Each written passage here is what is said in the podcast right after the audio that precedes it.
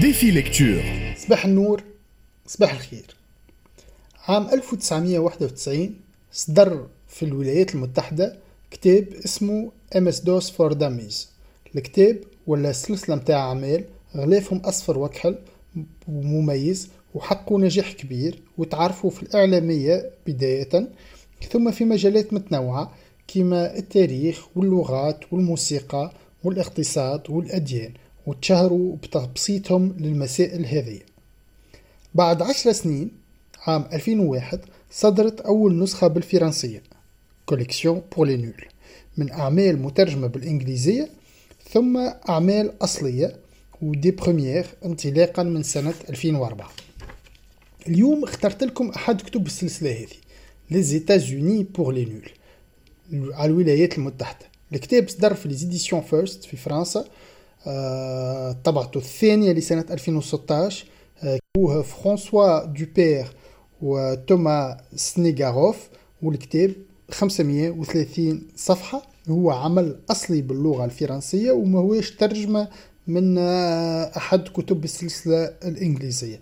الطبعة الأولى كما قلت كانت صدرت سنة 2012 والكتاب الزوز فرانسوا دوبير هو آه، دكتور وأستاذ مبرز في التاريخ وتوما سنيغاروف هو مبرز في التاريخ ومختص في تاريخ الولايات المتحدة وفي الشأن الأمريكي بشكل خاص.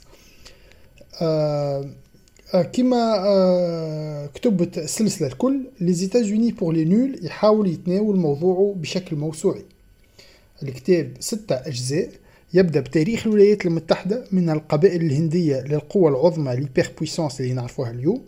القسم الثاني E pluribus unum يتعرض للمجتمع الأمريكي ووجهة النظر أن المجتمع هذا كما يقول الشعار اللي في ختم الولايات المتحدة de plusieurs, un وإلا l'union fait la force بتاعه. القسم الثالث The American Way of Life آه يتطرق للحياة اليومية في الولايات آه المتحدة وكيفاش يعيشوا الأمريكيين كل يوم. الجزء الرابع يتطرق للثقافة والترفيه في الولايات المتحدة اللي يوليوا صناعة كبيرة وأحد محركات الاستهلاك والاقتصاد. الجزء الخامس آه، العالم الجديد الولايات المتحدة في مواجهة عالم جديد وآخر التغيرات العالمية والجغرة السياسية وأيضا تأقلم الولايات المتحدة معها. الجزء السادس والأخير la partie des dix مقابلة العشرة يمكن أكثر جزء طريف وخفيف ومسلي يصور الولايات المتحدة كما يمكن تتلخص ولا تتفهم في عشرة أفلام لازم تشوفوهم وعشرة روايات لازم تقراوهم وعشرة شخصيات رجالية وعشرة شخصيات نسائية لازم تعرفوهم وعشرة أماكن مشهورة في الولايات المتحدة. ثم في الواقع جزء سابع مستقل آه، مخصص للملحقات لزانيكس تلقاو فيه مثلا دستور الولايات المتحدة وتنقيحاته وإلا إعلان الاستقلال. الكتاب فرصة باش نشوفوا أمريكا الحقيقية ونعرفوا تاريخها ومجتمعها ونفهموا أكثر حضارتها وحياتها اليومية وقوة دولتها وثقافتها وتأثير الثقافة هذه في العالم.